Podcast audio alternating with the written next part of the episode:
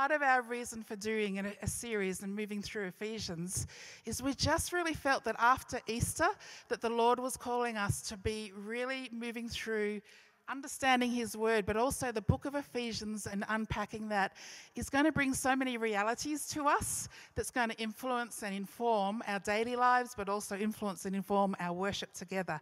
So, my expectation as Adam moves us through this beautiful book is that we're going to see the Holy Spirit dig deep and wide as we learn more about the unpacking of Ephesians being built up together. What's that? He's stealing something. Let's welcome Adam.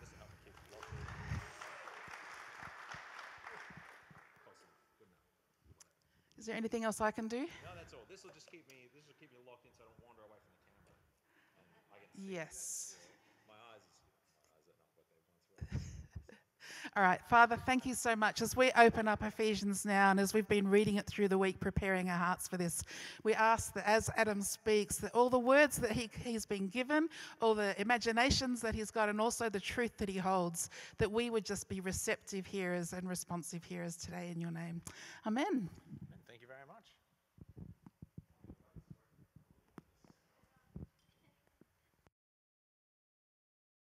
Hello. Yeah, there we go. Sweet.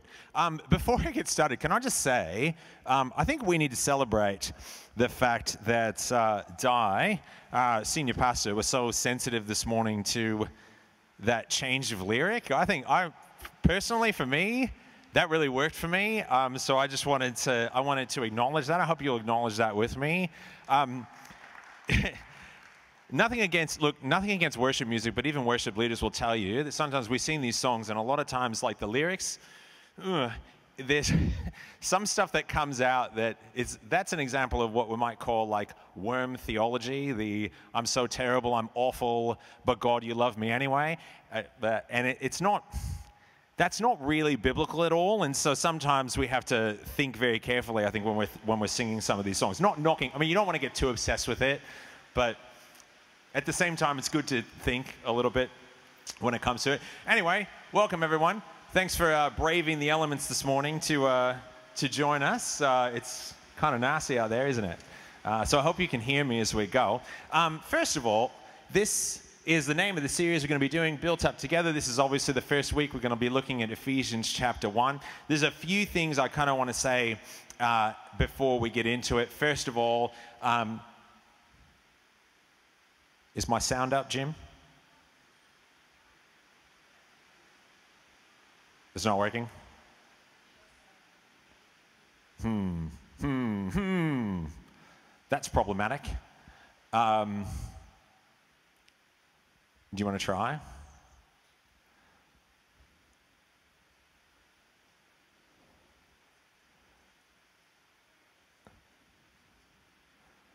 All right, well, I'll tread water in the meantime, and see if we can get it working. Anyway, as we go into this, um, as we go into this thing, we we can't obviously. Ephesians is a very rich book as far as the language goes and as far as the ideas and the theology. It's a rich letter, and so realistically, look, we can't talk about everything. There's no way that we can actually delve into everything that the that the letter will say to us, and so to that end, we kind of have to we have to focus on a, a few different points. So I hope you will just bear with me as I sort of as I direct the focus of the book and understand that you know obviously not everything can be covered, and you may still have questions at the end of it all. Um, the end of today, what I really want to do as we go through here, I want us to be listening to what the Spirit might be saying to us as we go forward.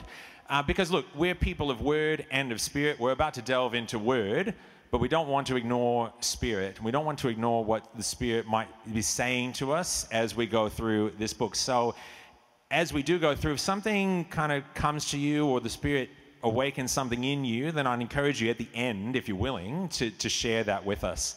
Uh, okay. Have we got any sound yet? If not, we'll just whatever, you know, like whatever. We'll miss out on our um, we'll miss out on our cool videos, but oh well, whatever. Okay, sweet. Well, let me start by telling you about my one of my favorite books. Oh, there was one thing I missed. That's my email address. If you have any questions or problems with what I say, which is fine. I'm okay with problems. I'm okay if you disagree with me. I'm going to be wrong about something. Um, but I can, I'm happy, I can defend myself, right? I'm happy to bear that. So there it is. It's pretty easy, right? It's just my name and it's Gmail, okay? So if you have any questions, feel free, write to me, all right? Don't write to the pastors of the church. They're not asking me what I'm going to say and they're not responsible for what I say. So talk to me. All right.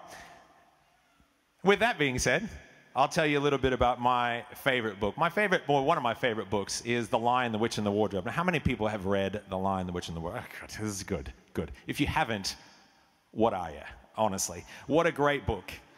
Uh, I read this book all the time because, of course, I'm a primary teacher, so I'm always reading this book to my kids because I love it. Anyway, it's the story, of course, of four children who find their way through a magic wardrobe into a different world, into a magic world, the land of Narnia. And when they get there, what they find is they're actually swept up into a bigger story, a story that's much, much larger than themselves.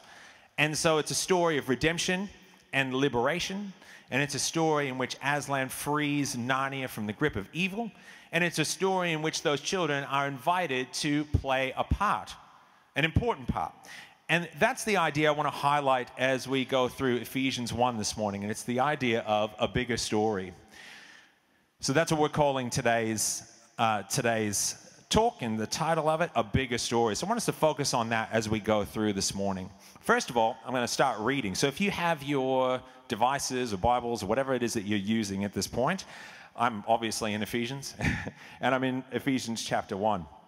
And I'm just going to start reading from the very beginning I'm going to read up to about verse 8. Now, I have to say, as I go through this, unfortunately or fortunately, however, in order to sort of talk through some of the ideas here and what I think is probably the best way, I kind of have to do this in a little bit of a choppy way. I have to read some verses at a time. We have to talk about them. But I'd encourage you at the end of at the end of the day, at the end of the service, after you go home or something, if you can take the time to just read through Ephesians 1 at a flow, then it will give you a sense of the, of the real flow of what Paul is saying. I have to kind of chop it up a little bit, so I'll apologize for that in advance. Anyway, that water treading there was a way of getting you into the first chapter so you can find your place. It says this Paul, an apostle of Christ Jesus by the will of God, to the saints who are faithful in Christ Jesus. Now, I've skipped the part that says in Ephesus because if you were here for the taster that I gave a few weeks ago, the words in Ephesus does not appear in the earliest manuscripts we have, which suggests that this letter is not really written to Ephesus at all. Uh, Paul lived in Ephesus for about two years, but in this letter, he gives no indication that he knows any of these people, which is weird for a guy who lived there for two years. We'll run into that as we read through it today. Um, but the suggestion is that this book is actually probably a circular letter something that was designed to go around to many churches, not just one, many churches, possibly in the region of Asia Minor, which is modern Turkey. So that's why I'm sort of leaving that out because it really doesn't belong there. Grace to you and peace from God our Father and the Lord Jesus Christ. Blessed be the God and Father of our Lord Jesus Christ, who has blessed us in Christ with every spiritual blessing in the heavenly places, just as he chose us in Christ before the foundation of the world to be holy and blameless before Him in love. He destined us for adoption as His children through Jesus Christ, according to the good pleasure of His will, to the praise of His glorious grace that He freely bestowed on us in the Beloved. In Him we have redemption through His blood, the forgiveness of our trespasses according to the riches of His grace that He lavished upon us. All right. As I said, there's a lot of rich stuff in the letter of Ephesians, and that passage is no exception. So there's a lot of things we probably need to talk about there. However, the one thing that really jumps out at us, I think, is this idea of grace, which gets mentioned, the grace of God, which is going to come up over and over again in the letter. And it says that this grace of God was lavished on us. That's a really good word. It's a good translation for this word, which is perisepho or perisuo, which is the one that appears in the Greek. And it is the idea of a grace that is excessive like very excessive, over and above what's expected, over and above what's even necessary. So this it, it really gives this idea of abundant grace that's just given without measure. And now, what are some of the things that Paul is saying arise from this grace? Well, he talks about every spiritual blessing that's given to us. He, he, he, he talks about being chosen. It's coming. Yes, it is.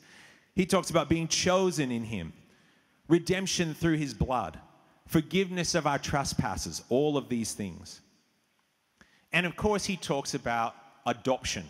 Probably noticed the word adoption come up. Now, when we think about adoption, when we think about adoption, we probably think of something like this, which isn't going to work now. Anyway, you can't, since I don't have sound, you can't hear Annie singing, Little Orphan Annie. What a shame. What a great song it is. You can all sing It's a Hard Knock Life if you want to. But, oh, there it is. Do you want to hear that again? Sure, of course, it's Annie. It's the hard knock life for us. It's the hard knock life for us. Static 3 day, we get tricked.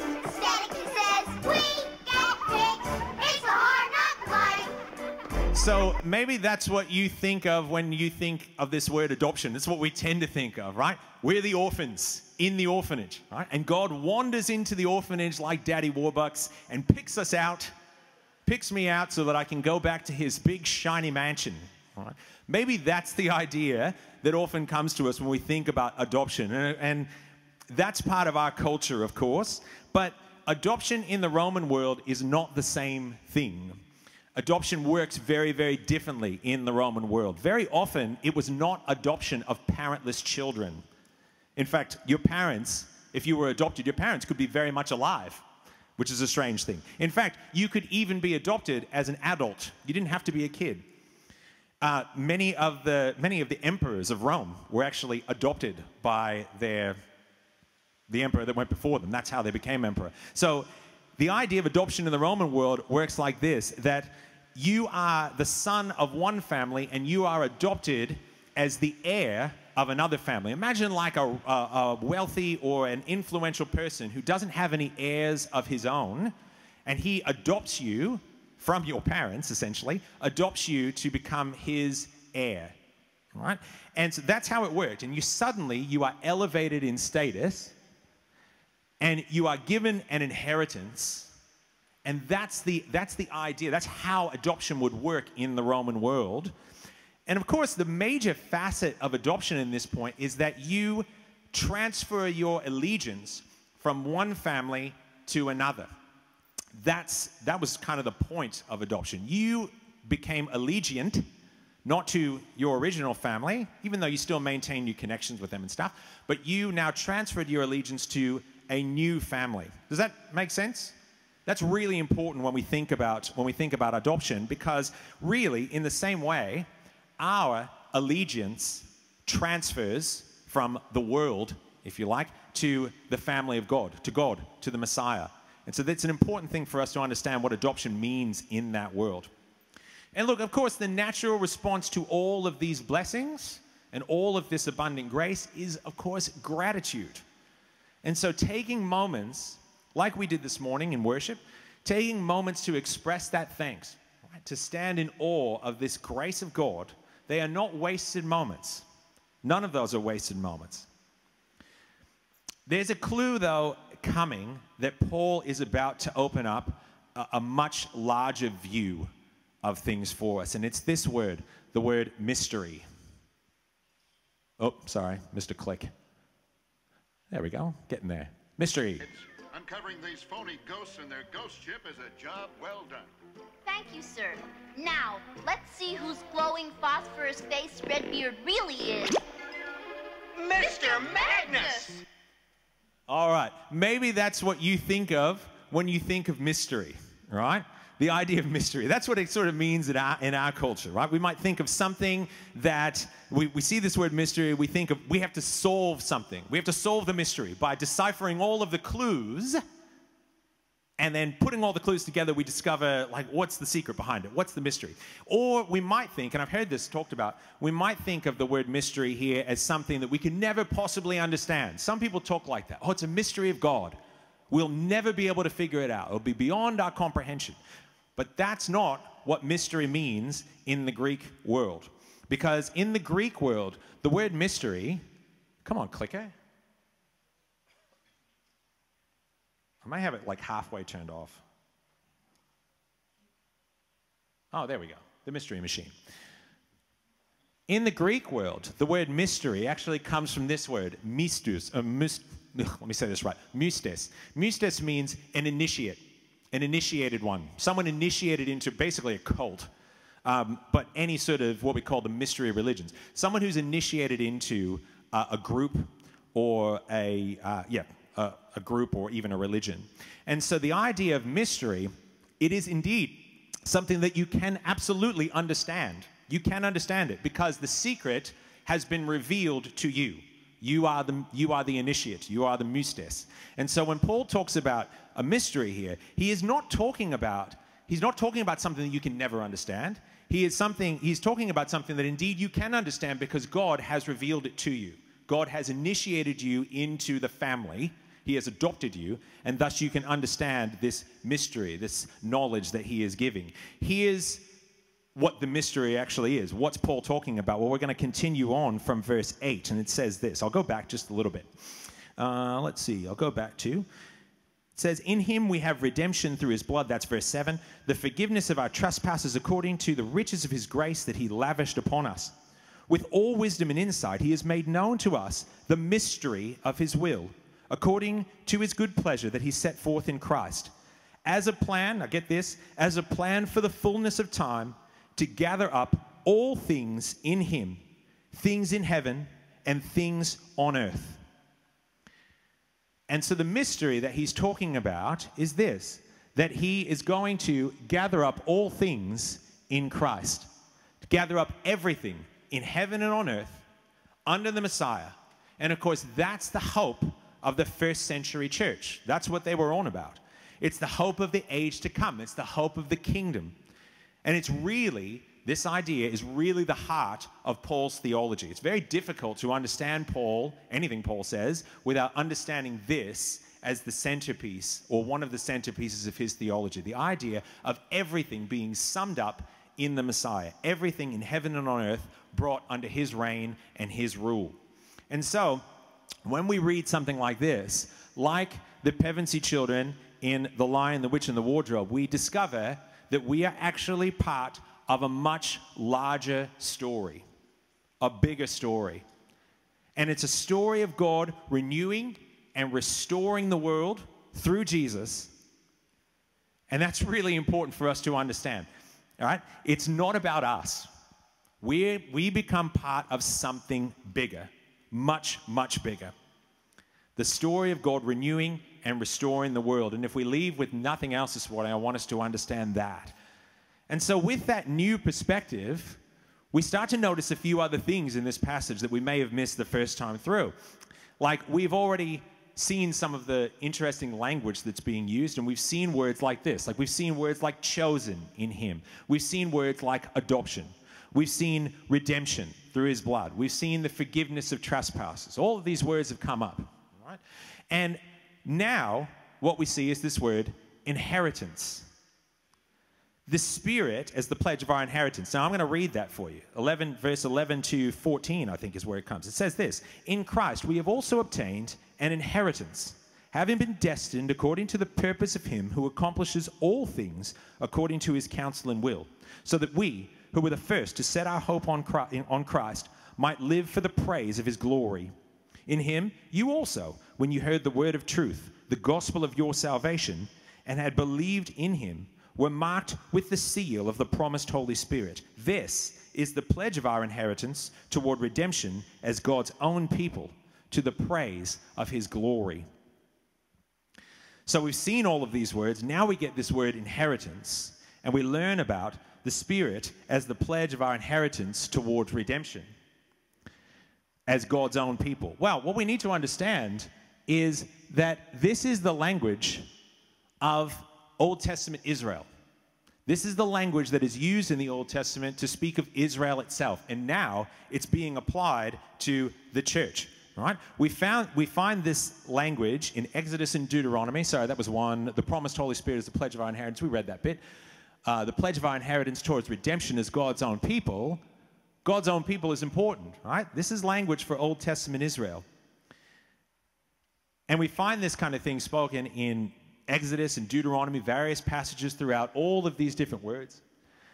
And now it's being applied to the church, and likely largely Gentile churches. And this is going to come up quite a bit in Ephesians, so we need to understand this because what Paul is talking about here is a new family of God. The new family of God. And it is the crux of so much of Paul's letters. And we'll run into it again next week. But you run into this all the time in Paul, in Galatians, in Romans. Try reading Romans without understanding Paul's with what Paul is saying about the new family of God. You will not understand Romans. There's, there's no way that you can. But we're not talking about Romans, we're talking about Ephesians. However, it's a big deal. The new family of God is huge, and it leads into the following prayer, starting in verse 15. It says this I have heard of your faith in the Lord Jesus and your love toward all the saints, and for this reason, I do not cease to give thanks for you as I remember you in my prayers. I pray that the God of our Lord Jesus Christ, the Father of glory, lost my place there, sorry very small print.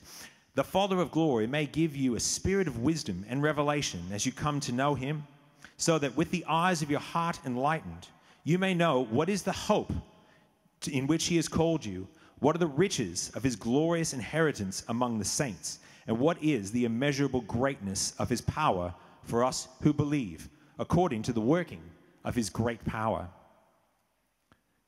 And what Paul is talking about here is obviously the Christian hope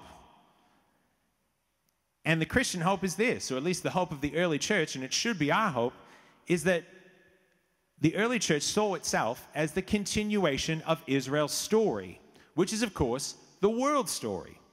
And the world story is this that God's good world has become broken.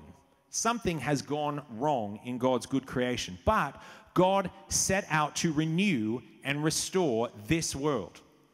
And of course, Scripture's story is that Israel the Old Testament tells us Israel was chosen for this purpose. They were chosen to be a kingdom of priests, to direct the world's worship toward God, to serve God as a part of God's restoration of the world, to model what life was supposed to look like under God's reign and God's world.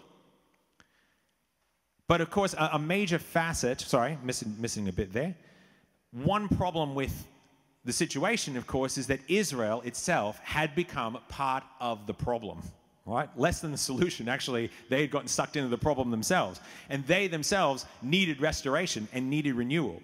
And so the Jewish hope that we always find in, in the later Old Testament, we find in the New Testament during the period of, of Jesus and during the period of the early church, the Jewish hope was that God would restore Israel first through the coming Messiah as part of this new world. And that the people of God, once restored, once renewed, would participate in his new world with him. Does that make sense? Yes? Yeah? Good. Okay. It's complicated. It can be, it can be thick and it can be complicated. But of course, a major facet of Ephesians is that now there is a new people of God, a new people of God.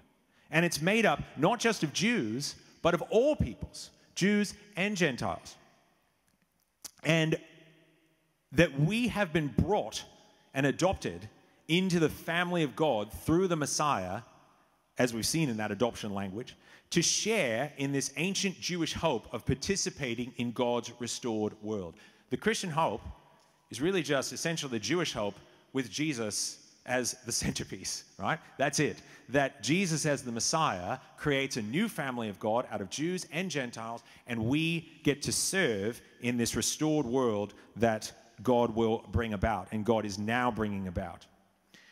So, look, let's not make this mistake, because we have a bad habit of thinking this that it's all about us.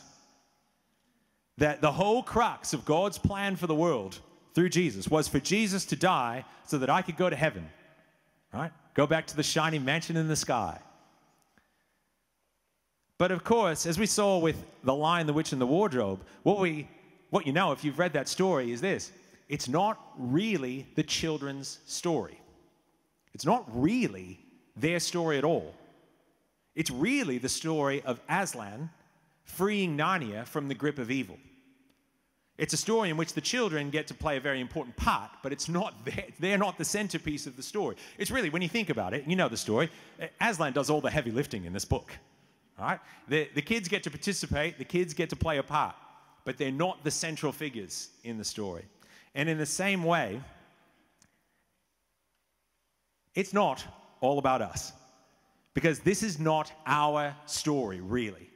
Or at the very least, our stories are small parts of the much bigger story. They've been taken, taken up into something larger, into something bigger. And it's the story of God renewing and restoring God's creation. And it's the story of God unifying all things under the Messiah. We're going to see more about that unity next week. By the way, if you haven't noticed, the whole book the whole letter and everything that I'm going to bring out about it is the central word is unity. So if you get nothing else, remember unity because it's going to come up quite, quite often in our talks about Ephesians. Just in case we forget in all this whose story this actually is, Paul reminds us here in verse 20 and 21 and says, I'll back up a little bit. It says, we want to, he wants us to understand our inheritance and what is the immeasurable greatness of his power for us who believe according to the working of his great power. And then verse 20, God put this power to work. Oh, sorry, my pages are sticking together. I don't want to go to chapter 4. Oh. Ruined the power of the moment. Let me back up a little bit. It says, God put this power to work in Christ when he raised him from the dead and seated him at the right hand in the heavenly places, far above all rule and authority and power and dominion, and above every name that is named, not only in this age, but also in the age to come. And he has put all things under the feet uh, under his feet and has made him the head over all things for the church, which is the body, the fullness of him who fills all in all. And of course, this is this is Jesus' story. We're a part of Jesus' story. He's the centerpiece. He's the focus. Raised from the dead, as we just celebrated last week, elevated above all the powers of the world, physical and spiritual, both now, at this moment, and in the age to come. And as it says in here in verse 22 and 23, that we come under his reign. He is the head of all things for the church. He is the fullness that fills all in all. We come under his reign as a part of his body, and we become part of his story.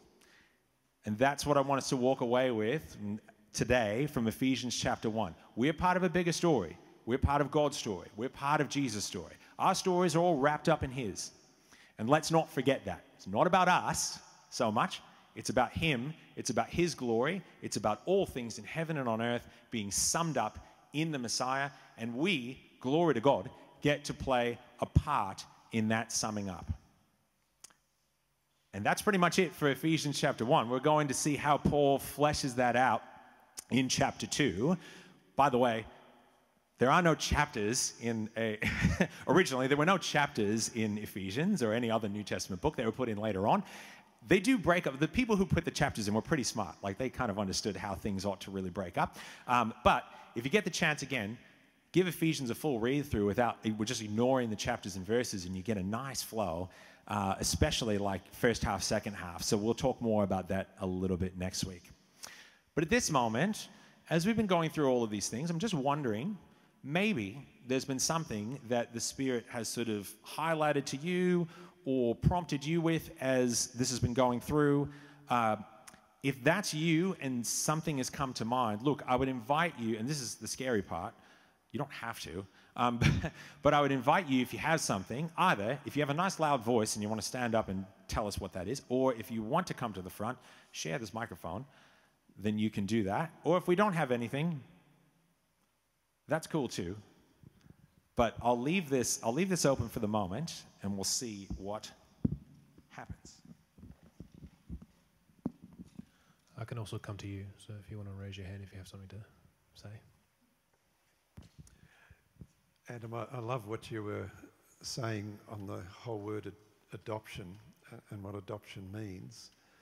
And am I right that um, to actually be adopted under Roman law was something that could never be undone? You could never be disinherited from that. Whereas uh, in your regular family, you could get disinherited. But Yeah. once you've been adopted, it, it, is that? To my understanding, that's correct. I think that's correct. I think I learned that from you. so maybe we're both wrong. Um, but I, I think I, I believe that's correct. That you could not, you couldn't be disinherited. But it was a serious thing. Like adoption was a serious. It was not. I mean, not that it's not. It's it's serious now. It's not like it's not serious, uh, but it's a different kind of seriousness where it's a it's a real. Um, it was a a very precise legal matter. And as I said, um, the Roman emperors like Augustus, like uh, like Caligula, like Nero, they, they were all actually adopted. Like Augustus was not the natural child of Julius Caesar. Julius Caesar adopted Augustus, which is how he became the emperor. And Tiberius was not the natural child of Augustus, and Caligula was not the natural child of Tiberius, and Nero was not the natural child. It's, it goes on and on, but there was a, there was a habit among Roman emperors, uh, Roman emperors to adopt an heir to basically hand the keys to the kingdom over with. That's a huge, it's a huge thing. And so obviously, the people getting this letter would know that, would know about the situation of Roman emperors at the time, and that would probably be a little, that would be in the back of their minds or at the front of their minds even when Paul is using this word. So um, it's pretty, pretty serious business. It just makes our status even more. Amazing, doesn't it? In, in, in the family of God, that it's like that. Oh, it absolutely. can never, never be undone. Yeah, absolutely.